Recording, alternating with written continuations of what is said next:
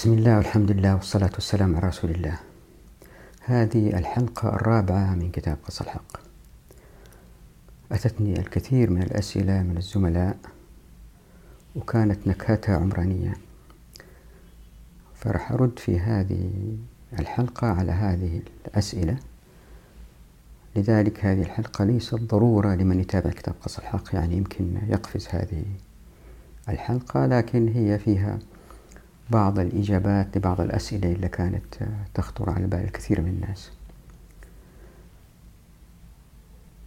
كتاب قص الحق كتاب عن التمكين والعزة ولماذا تخلف المسلمون؟ فهو ليس كتاب عن العمران لكن أنا أخترت العمران كمدخل لأنه في أمثلة محسوسة ملموسة مثل إحياء الأرض. لأنه كتاب عمارة الأرض منتشر الحمد لله بفضل الله بين كثير من الناس. فتوقعت أني أسحب عدد أكبر من الناس للمشاهدة لكن اللي صار أنه ظهرت بعض الأسئلة. أحد الزملاء سأل قال يا أخي إيش دور المهندس المعماري؟ يعني في الصور اللي وريتكم هي عن القرية اللي في السعودية وفيها المنزل غرفة بعد غرفة بعد غرفة بتنبني. وكأنه ما في تصميم. في تراكم قرارات غرفة وبعدين الثانية والثالثة. الإجابة هي باختصار أنه الآن لأن الناس مسلوبي الإرادة ما ظهرت الأعراف الحديثة التي تتماشى مع التقنية الحديثة مع المتطلبات الحديثة. فالناس ما عندهم معرفة لأنهم ما ما تمتعوا بالموارد والموافقات والمعرفة.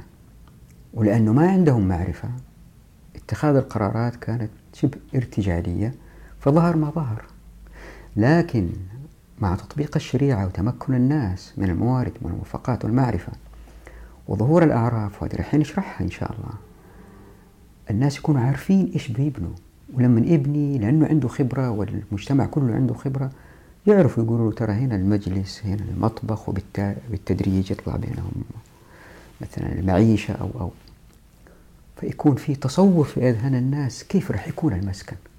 الآن ما في لأنه كل اللي بيبنوا عن طريق مكتب هندسي. طيب هنا يطلع سؤال يظهر سؤال. طيب إيش دور المهندس؟ إيش دور المخطط؟ وكأنك يا جميل تلغي دور المهنيين في علوم العمران. لا هذا ما هو صحيح. اللي يصير إنه دوره يختلف. الآن مثلا المخطط دوره كشخص مسؤول إن, إن أصبح مسؤول في الدولة يختلف عن دوره إن كان شخص شغال في شركة يحاول يقنع الدولة ببعض الحلول. نفس المهنة تؤدي إلى دورين مختلفين. قد يختلفوا في الآراء والأفكار لأنه بموقع بطبيعة موقعهم في الوظيفة. لكن كلا الطرفين بيتخذوا قرارات للآخرين قرارات لأفراد المجتمع. اللي بيصير إن طبقنا الشريعة والناس تمكنوا والناس كانوا أسرى المخطط له دور ودور كبير وكذلك المعماري لكن تحت مظلة الناس. يعني إجوا الناس آه زي ما الدولة الآن تستأجر المخطط ذلك الوقت الناس هم اللي يستأجروا المخطط أو المعماري. الآن معظم الناس يستأجروا المعماري. تعال صمم لي فيلا. فيفضل المعماري مع المالك رايحين جايين يتناقشوا ولن يصلوا إلى حل. نفس الشيء في التخطيط. لكن السكان هم إلا يقرروا. وهذه آلية أو حركية مهمة جدا. الشريعة تحث عليها في المشورة. الشريعة تحث على المشورة وفهمت المشورة أنها الحاكم يستشير الناس من من حول في القضايا السياسية و وأمرهم شورى بينهم. كل الأمور ما خصص طبقة القرآن. آه وأعطيت مثال الأسبوع الفايت الحلقة الفايتة كيف أنه الشارع إذا كان في مضرة أو ما في مضرة على المارة ويتناقشوا وراح نأتي لأمثلة كثيرة. كيف أنه الشريعة تجعل البيئة كلها معمل للمشاورات والتشاور. كل القرارات الاقتصادية البيئية العمرانية هي بالمشورة. الشريعة تدفع المشورة. اللي مستعجل يروح فصل الشركة. هو فصل عن الإنتاجية وكيف هذه الشركات التي أتت بها الشريعة وفصصوها الفقهاء إلى شركة المضاربة الوجوه آه، العنان. كيف أنواع هذه الشركات أدت إلى آه، المشاورة بين الناس. أحد الزملاء قال لي يا جميل أنت دائما تمجد وتمتدح المدينة الإسلامية. ما هو معظم المستوطنات اللي قبل الحداثة تشبه المدينة الإسلامية. شوارع متعرجة والناس بنوها بناء على المواد المحلية والأعراف اللي بينهم. زي المدن الإيطالية التقليدية اليونانية أمريكا الجنوبية شرق آسيا يعني معظم المناطق بهذا الشكل يعني. ليش أنت بتمدح المدينة الإسلامية؟ أقول له لا هذا مو صحيح. في الغرب عشان يدرسوا هذه المناطق أعطوها أسماء. مستوطنات تقليدية traditional مستوطنات عضوية يعني نشأت من غير سلطة مركزية يسموها organic أو يسموها decentralized مقابل centralized يعني لا مركزية مقابل مركزية يعني ما حد يتدخل في تنظيمها من الخارج وتخطيطها فنمت يعني عضويا بالتدريج مع احتياجات الناس و فهم فصصوها بهذا الشكل ودرسوا معظم المستوطنات من هذا المنظور. هذا ما هو صحيح في المدينة الإسلامية. المدينة الإسلامية تختلف تماما. وأضرب مثال واحد بسيط. وهنا أنا أتحدى. أحد يعطيني مستوطنة تشبه المدينة الإسلامية في اللي راح أقوله الآن وهذا راح يأثر على كثير من معايير ومزايا المدينة الإسلامية. في الشريعة الزكاة أعيان. زكاة الإبل إبل زكاة البقر بقر. طبعا ما نبغى ندخل في تفاصيل الآن في الأموال الظاهرة والباطنة. ما ما الآن ما هو وقته المستعجل يقرأ في فصل الأموال القضايا هذه ودولة الناس. فالزكاة لما تكون أعيان صعب نقلها من مكانها لمكان آخر. يعني ما هي أثمان.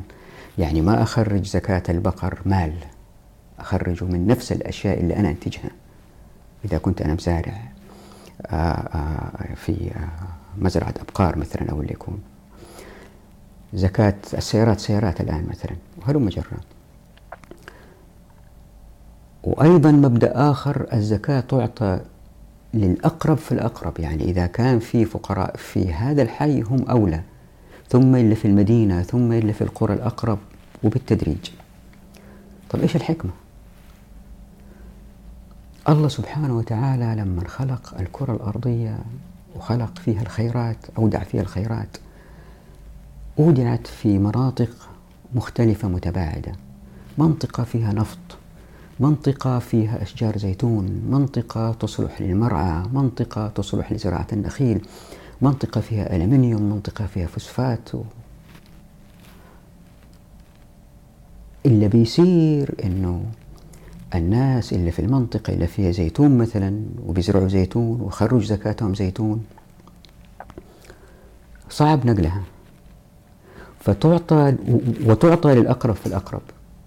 بأموال ابن السبيل في الزكاة ابن السبيل أحد الثمانية الأصناف في الزكاة المناطق اللي ما فيها خيرات تكفي دعم الأيدي العاملة اللي هي لا تعمل لأنها لم تجد عمل.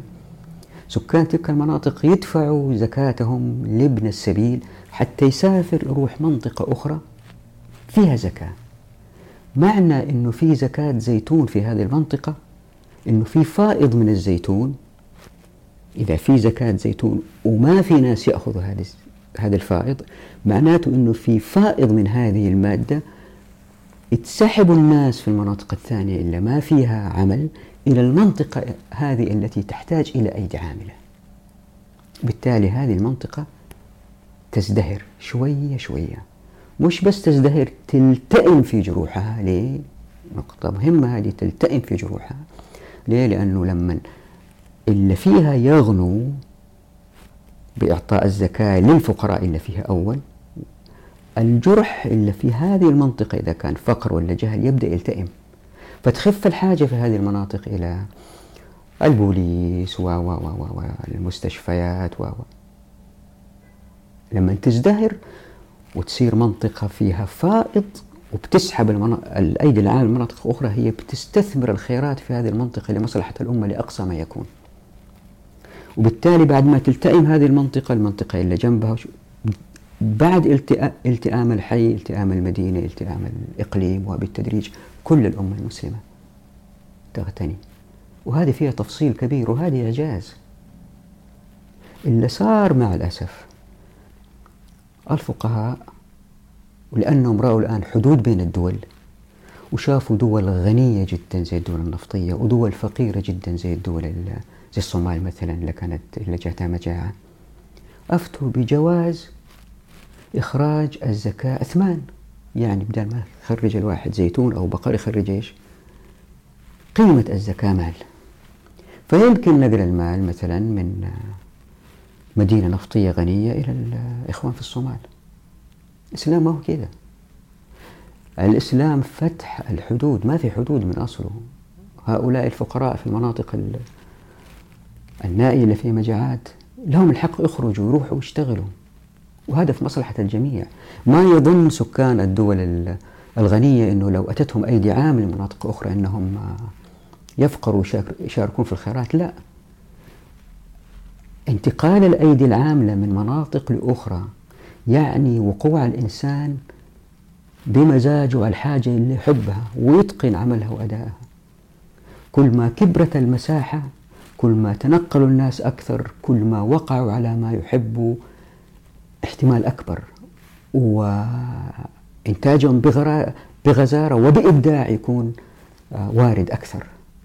يعني دولة صغيرة زي البحرين فين يبغى يروح فيها الواحد لو ما حصل شغل؟ فين يروح؟ لكن لو الأمة الإسلامية كلها قدامه والله مزاجه يرعى غنم في الحر يروح السودان مزاجه يبحث عن يورانيوم في منطقة جليدية يروح. الكرة الأرضية كبيرة. الأمة الإسلامية مساحتها كبيرة. فلو أتيح للناس الانتقال بأموال ابن السبيل وقوع مع الخيرات لأن الخيرات لهم الحق يأخذوها زي ما نشوف إن شاء الله فصل الخيرات. لأن الإسلام زي ما قلنا يمكن من الموارد والمنفقات والمعرفة. عندها كل شيء يزدهر. وعندها المستوطنات لما تزدهر وتكون في أفضل حالة ممكن عندنا نقول المدينة الإسلامية مختلفة. ليه؟ لأنه صار الاستغلال الأمثل للموارد في إيجاد الأحياء. طبعا قبل الحداثة كل الشوارع متعرجة وكل المباني حدودها ما هي مربعة ولا مستطيلة. هذا وضع وضع طبيعي. لكن هذا لا يعني تشابه المدن كلها الإسلامية وغير الإسلامية لأنه شوارعها متعرجة. لا تختلف. آه، نضيف إلى ذلك أنه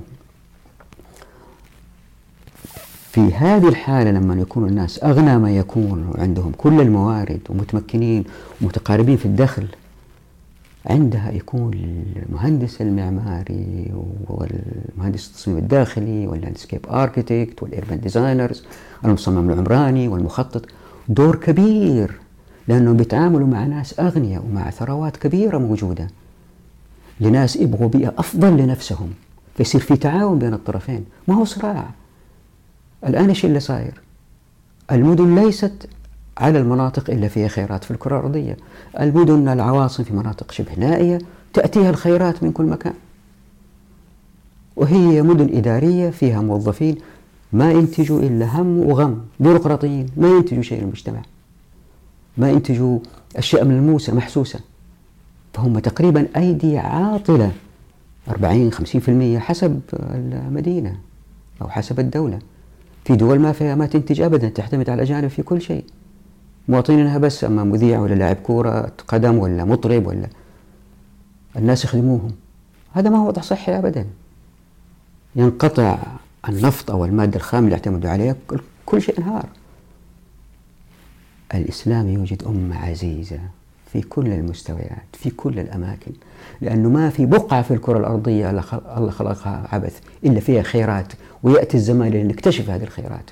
وما في إنسان جاهل آه، بسبب آه، تركيبته لا المجتمع جهله. كل إنسان الله أعطاه مقدرة إبداعية في شيء.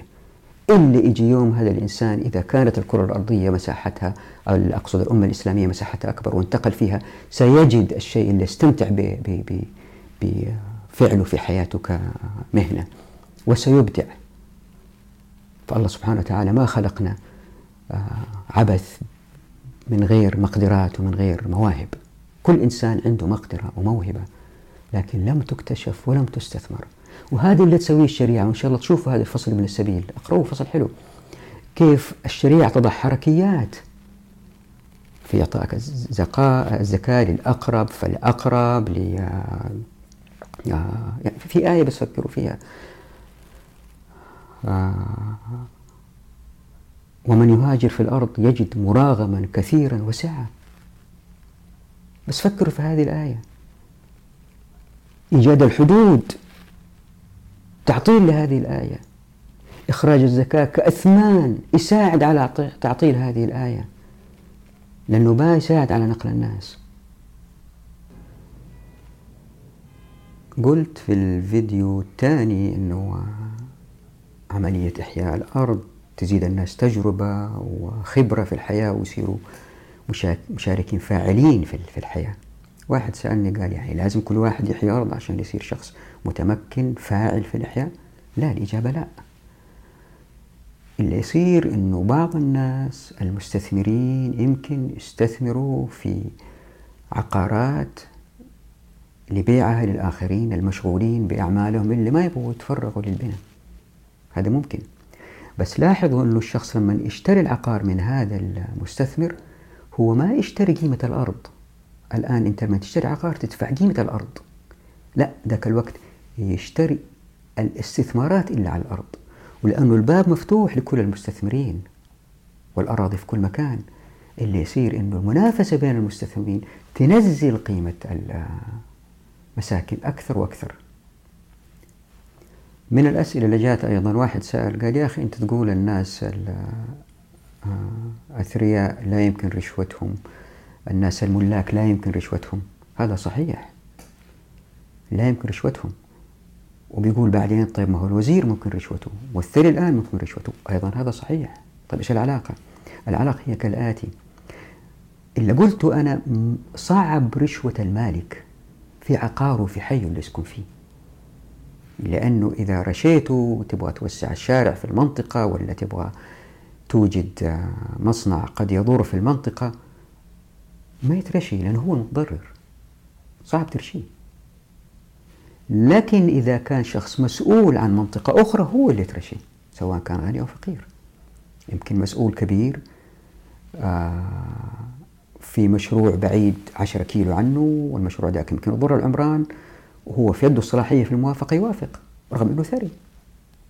هذا ممكن. فما نخلط بين المسألتين.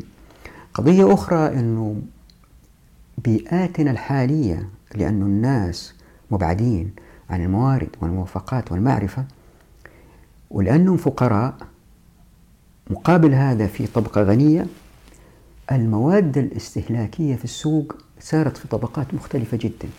وهذه راح نشرحها بالتفصيل مهمة جدا. اللي بيصير إنه لأنه في كماليات لأنه في طبقات مختلفة من الناس التجار والمصانع بيصنعوا آه، أشياء فاخرة فارهة للطبقة الغنية هذه لأنه يمكن بيعها. وفيها ربح جيد. فإلا بيصير أنه لعاب الأثرياء يسيل دائما. للاستمتاع بأشياء أفضل. يعني أول, أول كان يسافر درجة أولى بعدين يطمع يقول لك لا أبغى أسافر بطيارة خاصة. طيارة خاصة؟ لا. طيارة خاصة أكبر. طيارة خاصة أكبر؟ لا. طيارة خاصة فيها آه، كراسي مذهبة وما عارف إيش. فالمجال مفتوح. لكن مع تطبيق الشريعة وتمكن الناس وتقاربهم من الدخل يمكن واحد يكون دخله أكثر من الثاني 10 15 مرة لأنه هو أذكى ولا أقوى في عضلاته 10 15 مرة. لكن مش ملايين المرات زي ما يصير الآن. بالتالي السوق يستجيب لهذا التقارب في الدخل بإنتاج آه، مستهلكات ذات جودة عالية ومتقاربة في السعر. عندها ما يكون في تلوث و و و و. فعندها لا يسيل لعاب أكثر الناس للمزيد من المال فتصبح رشوتهم مسألة شوية أصعب ليه؟ لأنه الموجود في البيئة قد لا يستحق ذلك وهذه إن شاء الله نشرحها بتفصيل وقد لا تكون مقنعة الآن بس أعطوني وقت إن شاء الله نشرحها بالتفصيل أتتني أيضا الكثير من الأسئلة التي أسأل عنها دائما وتتكرر باستمرار مثل كيف الناس يحيوا المرافق؟ مش المقصود أن الناس بنفسهم يبنوا مصنع أنابيب وبعدين يركبوا ويحفروا الشوارع ويضعوا الأنابيب ويوصلوا الأنابيب. لا مو هذا الهدف. الهدف أنه لما يحيوا المرافق زي ما أنا لما أحيي بيتي أقدر أستعين بناس يجوا يبنوا البيت. أجيب بنا و مش شرط أنا أسوي كل شيء بنفسي. نفس الشيء في المرافق. إنه الفكرة المرافق تحت سيطرة السكان. هم يختاروا الشركة اللي تنفذ لهم المشروع. فيختاروا الجودة الأعلى بالسعر الأفضل. لكن إن كان في مال عام من خلال الضرائب ولا أموال النفط ولا غيره التي أخذت وهي أموال فيء اللي بيصير المال العام لما يكثر وينفق عندها يمكن النفقة هذه ما تكون هي أفضل ما تستفيد منه الأمة ويستفيد منه الناس. لأنه بعض المسؤولين يمكن ما يكونوا جادين في إيجاد الحلول. مسألة أخرى أيضا أنه عندما تكون القرارات في أيدي الناس ويجربوا ويحاولوا من خلال الشركات من خلال المبدعين من خلال اللي بيصير تكتر الحلول. حارة مثلا توجد خدماتها عن طريق الشركات. حارة ثانية لا. يمكن مجموعة سكان يروحوا يسكنوا في منطقة فيها آبار ويحفروا آبار. وعشان الآبار هذه ما تتلوث لأنها آبار وهم ساكنين فيها يحافظوا عليها. من خلال مبدأ لا ضرر ولا ضرار رح نشرح هذه بالتفصيل. ما يرموا الفضلات تحت الأرض فما تتلوث المياه الجوفية تحتهم. وهكذا. فبالتالي الخدمات تكون لا مركزية. لأنه هم بيستخدموا المياه وعليهم التخلص من الفضلات يكونوا مقتصدين في المياه. وستوجد أجهزة مثل الدايجسترز هذه منتشرة الآن عن طريق البكتيريا للتخلص من الفضلات بدل شبكة المجاري. هناك حلول كثيرة لا تنتهي لكن اللي صار أنه جميع الحلول أتت من نظام رأسمالي يعتمد على الدولة اللي تقوم بتقديم الخدمات. تجمع الأموال من الناس ولا من الخيرات في الأمة. وتنفق بطريقة مركزية. وبالتالي الحلول كانت مركزية. راح نفصل هذا الموضوع طويل جدا جدا وجميل من أجمل ما يكون. ليه؟ لأنه آه، يخلي الناس يتفاعلوا. تظهر المشهور اللي اتكلم عنها. يتفاعلوا في إيجاد الحلول. في أسوأ الاحتمالات خلينا نقول ما في حلول هم السكان اللي يقرروا أي شركة إلا تخدمهم أي شركة ما تخدمهم. زي أنت الآن لما تختار الجوال تختار الشركة اللي تناسبك. بس خلي بالك الآن محتكرة الشغلة. فقط الشركات اللي تأخذ موافقة من الدولة هي اللي تشتغل. ففي سحب من أموال الناس للشركة اللي تدفع جزء منه للدولة عن طريق ضرائب ولا اللي يكون. لا ذاك الوقت ما في احتكار. أي جماعة تقدر تسوي شبكة؟ وبالمنافسة تحصل على الأفضلية. طبعا راح تظهر الكثير من الأسئلة. كل لذلك كتاب قص الحق 1800 صفحة لأنه تظهر ثغرات ثغرات كثيرة. مثل هذه الأسئلة بحاول أسكرها وأغطيها. المستعجل يقرأ. حتى في الدول الغربية في أبحاث قام فيها واحد اسمه بنت فلايفبرغ بيقول إنه القرارات التخطيطية أحيانا التي تتخذ هي ليست عقلانية هي تعقلن. لأنه بعض المخططين تحت آه، ضغوط من السياسيين اللي عندهم مصالح فيتم عقلنة القرار المتخذ لكنه ليس عقلاني. بس دائم اتذكروا إنه في مال عام في فساد. ما في مال عام ما في فساد. واللي تسويه الشريعة زي ما تشوفوا إن شاء الله بإذن الله من خلال ثلاث آيات آية الصدقات وآية الغنائم وآية الفيء. نجي هذه إن شاء الله. تضبط النظام الاقتصادي الإسلامي. مع الأسف معظم الدراسات اللي بتظهر الآن عن البنوك الإسلامية والنظام الاقتصادي الإسلامي هي أسلمت النظام الرأسمالي. فكر في شغلة واحدة. ليش الرسول صلى الله عليه وسلم ما صك النقود؟ الدينار والدرهم. صلى الله عليه وسلم نسي ولا هو خير أخفى عننا؟ لابد تكون في حكمة عميقة. إن شاء الله نفصلها في فصل الفصل الوصل في كتاب قص الحق كتاب في الاقتصاد والسياسة بالدرجة الأولى. ما صكى لأنه اللي صكى يصبح مسيطر ومهيمن وتصير في سلطة ويصير في استعباد. وما نحصل على النوعية الأعلى في كل شيء. أو أو الاستخدام الأمثل للأموال والاستثمار الأوفى للمجهودات الإنسانية الفكرية والبدنية عشان نحصل على أفضل آه، بيئة ممكنة. برفاهية أعلى بعمل أقل. هذه اللي تسوي الشريعة بتحرير الأفراد. منها أنه في حكمة في عدم سك النقود. إن شاء الله نجيها هذه. ففي حكمة عميقة في الشريعة في أنه زي ما نشوف إن شاء الله في الأموال فصل الأموال فصل دولة الناس. الشريعة تحاول تسكير الطرق اللي تجيب الأموال لبيت المال. وتفتح الأبواب اللي تذهب بالأموال للناس. وبين الناس. هي الأموال إيش؟ خيرات على الكرة الأرضية. الناس بيشتغلوا بيحولوها إلى آه، ثروات. الدول بتنهب الثروات. والناس بيضعفوا ماليا وبتصير طبقيات. وهذه الوصفة المثلى للفساد. لا الشريعة تسوي شيء ثاني؟ إن شاء الله رح نوضح ومن الأسئلة أيضا كيف الناس ما يضروا بالبيئة؟ إذا كل واحد تركناه يسوي على كيفه. لا هو ما يسوي على كيفه. في حديث لا ضرر ولا ضرار. حديث مهم. هو ما يقيد الناس هو يطلق الناس من غير ما يضر بالبيئة. الآن نعرف مصانع كثيرة تضر بالبيئة ومستمرة تضر في البيئة رغم أنه في أنظمة وقوانين. ليه؟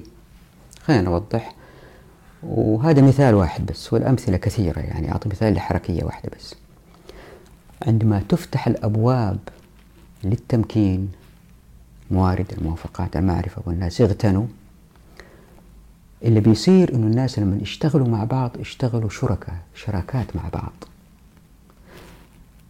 أنت أو أنت لما تفكروا الآن إنه واحد يسوي مصنع ويشغل عنده آلاف الناس أنتم بتفكروا في إطار واحد ثري وفي عاطلين عن العمل لأنه أبواب التمكين مسكر أمامهم فصاروا عاطلين. فيقدر يستأجرهم لأنه ما يقدروا يشتغلوا. يبغى يفتح مصنع الواحد ممنوع إلا بموافقات يبغى أرض ما يقدر يأخذها موارد ما يقدر يأخذها. فبالتالي البطالة جزء مهم من النظام الرأسمالي ودائما يحاولوا يكونوا في كمية من السكان عاطلين على العمل. نسبة البطالة مهمة لإيجاد مشاريع جديدة وأفكار جديدة حتى ينسحبوا ليها ويخدموا فيها. لا الشريعه شيء ثاني. كيف؟ لما نفتح أبواب أبواب التمكين والناس يتقاربوا في الدخل صعب واحد يشتغل عند الثاني كأجير إلا بأجر مرتفع. في الغالب يتشاركوا. هل ممكن صالح كامل يشتغل عند الوليد بن طلال أو العكس؟ هل ممكن آه، رجل أعمال ثري يوظف زملائه في العمل معه؟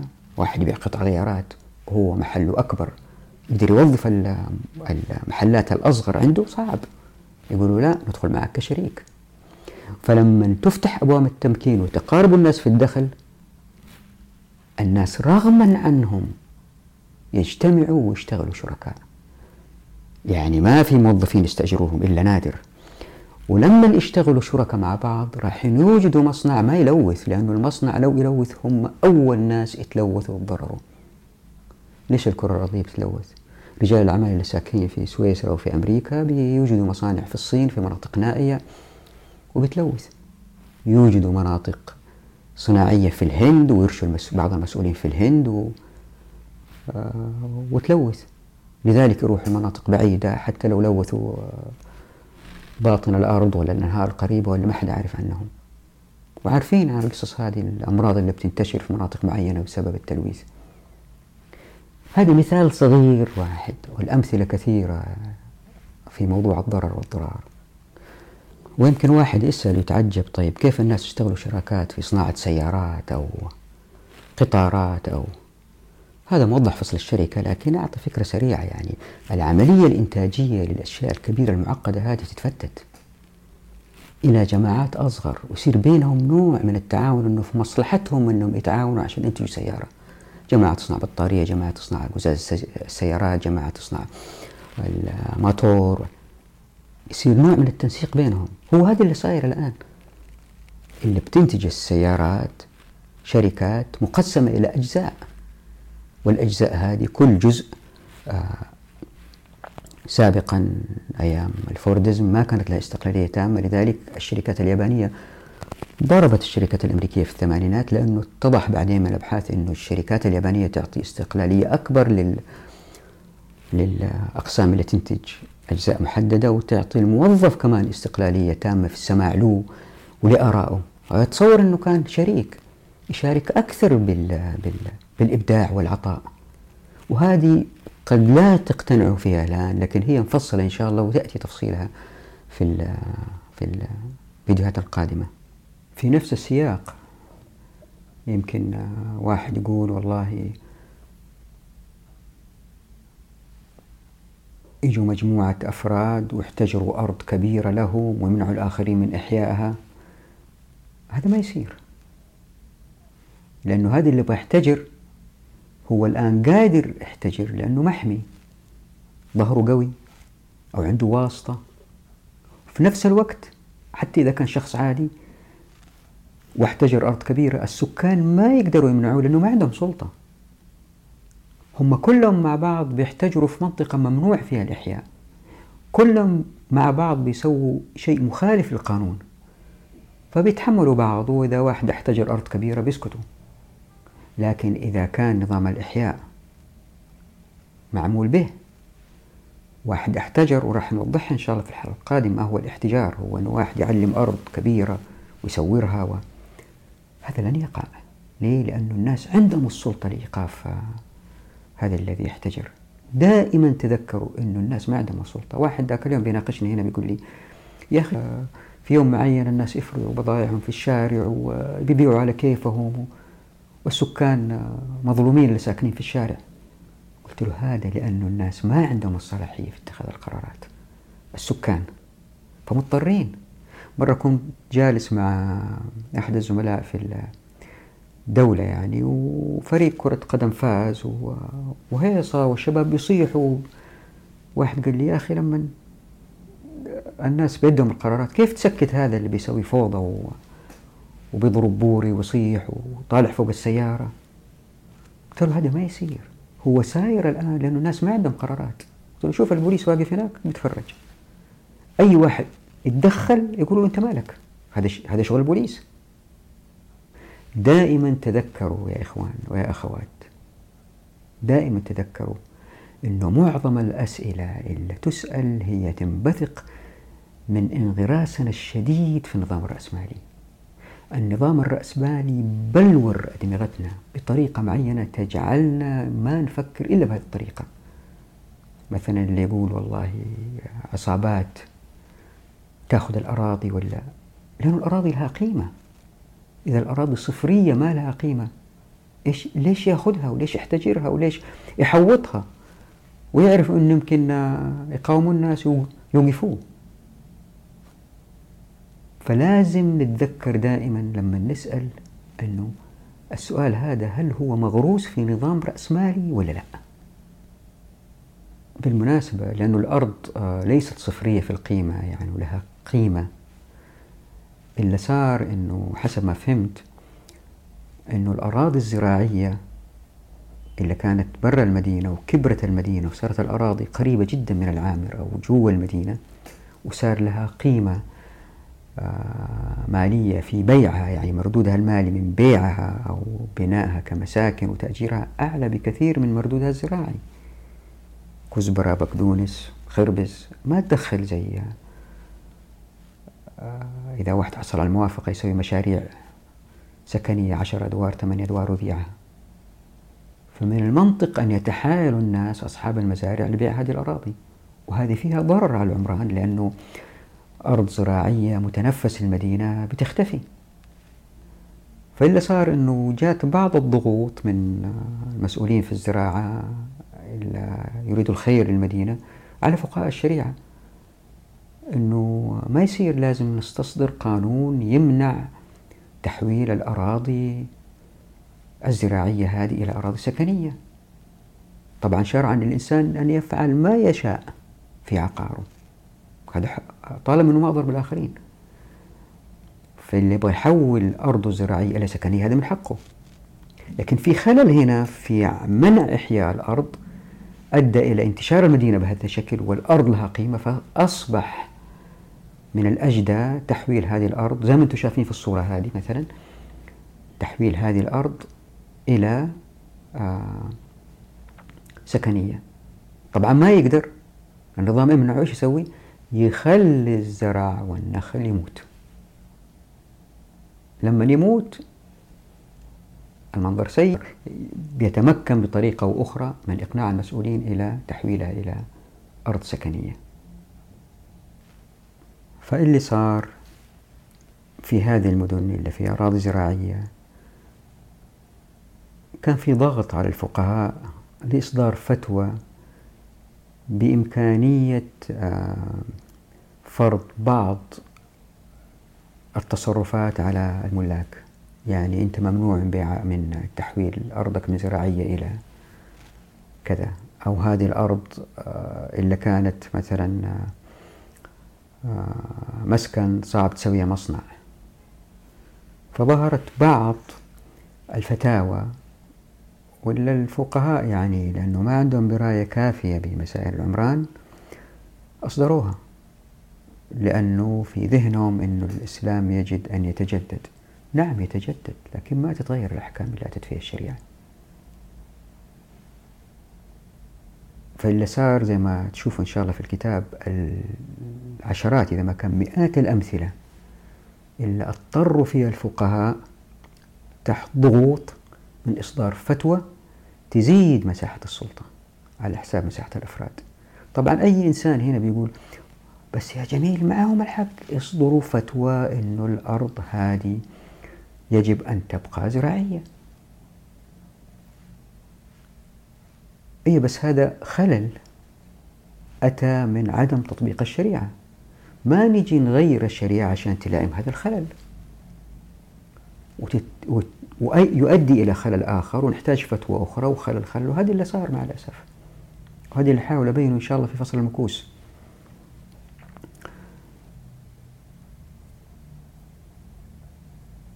ومن الأسئلة أيضا التي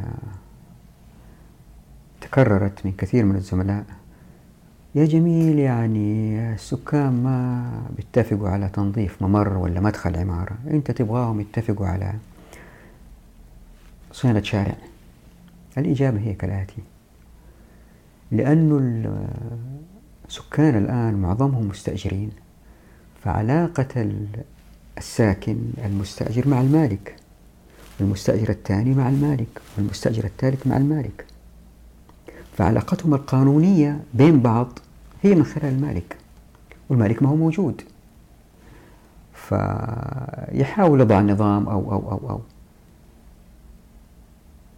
فتظهر المشاكل لكن إن كانوا السكان هم الملاك وهذا موجود في نظام الكوندومينيومز في أمريكا ولا في معظم الدول اللي هي الملاك للشقق في العمارة الواحدة يكونوا جهاز إداري لإدارة العمارة إذا كانت العماير كبيرة في المشاريع الكبيرة أو يختاروا واحدة واثنين من سكان العمارة وبين بعض يحلوا مشاكلهم. إن لم تحل ذلك الوقت يذهب القضاء. طبعا في مراحل للذهاب للقضاء الصلح خير ونأتي على تفصيله بعدين هذا مو وقتها. لكن الأهم مو لأنه شفنا مدخل وسخ. والسكان ما اتفقوا على طول. نقفز أنه الشارع لا يمكن يتفقوا فيه الجيران. ونجهض شيء أهم كبير ألا وهو عزة الأمة وتحرير الأفراد. ما ننسى هذه القضية الأساسية. قضية ثانية اللي هي تقنية معمارية. واحد زميل هنا بيقول لي يا أخي في الشريعة بحث في الدكتوراه في ملكية الطبقات. في الشريعة في ملكية الطبقات أنه مثلا في المناطق اللي فيها آه، مزارع بكثرة والإحياء يكون صعب لأن المزارع حول المدينة أكثرها مملوكة. فالواحد بدل ما يسكن بعيد يمكن يسكنوا فوق بعض مثل العماير اللي في يمن في حضرموت تصل سبع أدوار ست أدوار. قال لي هذه كلها أساسها آه، مشاكل لأنه الجيران فوق بعض وبيتمشكلوا و و و. قلت له هذه ما كانت موجودة في أكثر المدن الإسلامية. هذه موجودة في المدن الحديثة. ليه؟ لأنه التصميم يؤدي إلى اشتباك الناس. أعطيك مثال بسيط. إذا تحط مضخة مياه واحدة بعداد واحد لأربع خمسة شقق أكيد رح يختلفوا. مين يصرف ماء أكثر مين يصرف ماء أقل؟ لكن إن كل شقة كان لها عدادها تخف الاختلافات. ومثال جيد على كده مثلا يمكن يجي معماري مفزلك ويحط عمود في ركن البيت جوا العمود هذا يحط آه، آه، فراغ وجوا يحط مواسير الموية والكهرباء والتلفون و هو ش... إذا احتاج نغير هذا العمود أو نصلح فيه أي شيء نحتاج نغير كل هذه الشبكات. فمو كل شبكة فضلت لوحدها مستقلة حرة. لا دمجناهم مع بعض في مكان واحد. فالتصاميم الحديثة هذا موضوع تكنيكال آه، تقني ما نبغى ندخل فيه. فالتصاميم الحديثة إلا ما نبعت من حقوق ملكيات الطبقات أدت إلى هذا التداخل بين السكان. فالسكان متداخلين بسبب التصميم. بس لا ننسى أن الناس ما هم مضطرين يسكنوا فوق بعض. لأن الكرة الأرضية كبيرة والمواد زي ما قلنا موزعة في الكرة الأرضية فالناس انتشروا في الكرة الأرضية. وإن سكنوا مع بعض فوق بعض والتقنية حلت مشاكلهم تظهر الأعراف لحل هذه المشكلة. وإن لم تحل هذه مشكلة صغيرة أمام مشكلة أكبر اللي هي لحل مثل هذه المشاكل الصغيرة اللي تولد مشاكل ثانية زي ما رح نشوف. يجب جمع الضرائب والأموال وإظهار الفساد و و و. نقطة أخيرة لابد من توضيحها. عدة زملاء آه،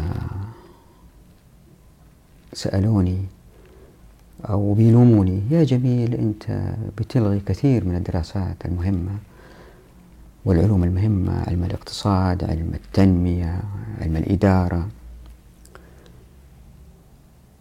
الإجابة هي لا. إلا بقوله أنا أنه مش هذه العلوم ليست مهمة لا هذه العلوم مهمة لكن ستأخذ خط آخر أو طريق آخر إن طبقنا الشريعة. البشرية تحتاج نوع آخر من هذه العلوم. كيف؟ أضرب مثال. علومنا الآن مبنية في الاقتصاد مثلا على الفكر الرأسمالي. ودرسوا الطلاب بهذا الفكر وأتونا وصاروا مسؤولين وبدأت مجتمعاتنا تتنمط على النمط الرأسمالي لأنه هذا الطريق اللي شافوه المرسوم للإزدهار. وهذا زي ما قلنا يؤدي إلى التلوث البيئي تغير المناخ الفساد. إن طبقنا الشريعة نحتاج نوع آخر من هذه العلوم. كيف؟ فقط فكروا في الآتي. حديث عن الرسول صلى الله عليه وسلم لا تبع ما ليس عندك. يعني يا بني آدم حاجة ما هي في حوزتك ما تملكها لا تبيعها. انظروا الآن الأسواق المالية. معظم الصفقات في الشاشات اللي بتصير في شيكاغو ولا في نيويورك كثير منها صفقات بيع ما ليس عندك. بيعات مستقبلية. ال hedge funds والمضاربات. فناس بيكتسبوا أموال بيغنوا في هذه المضاربات من غير ما ينتجوا. بيحترفوا الشغلة هذه من غير ما ينتجوا. وهذه تكون طبقة عاطلة. تحب تستهلك ما تنتج. وأحيانا هذه الطبقات تفسد في المجتمعات. أضف إلى هذا مثلا منع الربا. النظام الرأسمالي الاقتصادي الغربي مبني تماما على أنه المال سلعة وله فائدة. فقط لو لغيت هذه زي ما الشريعة الطالب إيش يصير؟ العلم كله يتغير. فإذا فكرنا مليا في هذه الحركيات منع الضرائب منع الربا لا تبع ما ليس عندك. هذول ثلاثة هم كثيرين في الفصل والوصل نحتاج علم اقتصاد جديد. مثال آخر علم الإدارة. مبني مثلا الإدارة العامة مبني في الغرب على أنه جهة معينة تدير ولايات وولايات. فيها مدن والمدن فيها إداريين يديروا الناس وهذه كلها مبنية على نفقات تأتي من ضرائب الناس. طب ليش الضريبة ممنوعة في الإسلام؟ وسميت مكوس. وعذابها شديد. تخويف من العامل كمكاس أو يأخذ ضرائب. لابد في حكمة عميقة. فنحتاج علم إدارة مختلف. ما هو مبني على هذا النمط من أخذ الأموال؟ في نفس السياق زي ما قلت الإنتاجية في العالم الإسلامي إذا طبقنا الشريعة يكون مبني على شراكات. الآن علم إدارة الإنتاج مبني على كيف تحفز الموظف اللي هو ما هو مالك. كيف تجلده بالأحرى عشان تستخرج منه أقصى عمل ممكن بأقل عطاء ممكن. تعطيه دورات تعطيه تحفيزات. لظاهر لذلك ظهر علم القيادة وكيف القائد للشركة يقود و و ومع الأسف كثير من الإعلاميين والباحثين. انساقوا في هذا الخط. اللي هو مبني أساسا على أنه اللي يشتغلوا في الشركة ما هم ملاك. لا في الشريعة مختلف. طبقنا الشريعة. الناس اللي اشتغلوا في الشركات هم الملاك. هم محفزين أصلا. يحتاج نوع آخر من العلوم اللي تحاول تربطهم مع بعض. والإسلام إعجاز في هذا الموضوع. إذا تقرأ كتاب قص الحق إن شاء الله أقول بلاش قص الحق أقول الشريعة في الحقوق بين الناس والناس والدولة ستلحظ أن الشريعة إعجاز في فصل الناس عشان ما يصطدموا لما ينتجوا. ما يصطدموا لهم مسارات وهو خير الفاصلين عشان ينتجوا. ولما يحتاجوا يتكاتفوا عشان ينتجوا بطريقة أعلى تجد الشريعة تجمعهم. شيء فذ. الآن العكس. يوجد الأنظمة والقوانين إلا يمكن تجمع الناس ويتصادموا في الإنتاج. ومتى لازم يجتمعوا؟ لا تفرقهم. هي واقفة بينهم الدولة. نقف هنا وإن شاء الله نلتقي في الفيديو القادم. نكمل موضوع الإحياء بطريقة حقوقية. يمكن تأخذ حلقة حلقتين ثم نعود إن شاء الله إلى كتاب قص الحق. نبدأ بفصل القذف بالحق. أراكم على خير وفي أمان الله. دعواتكم.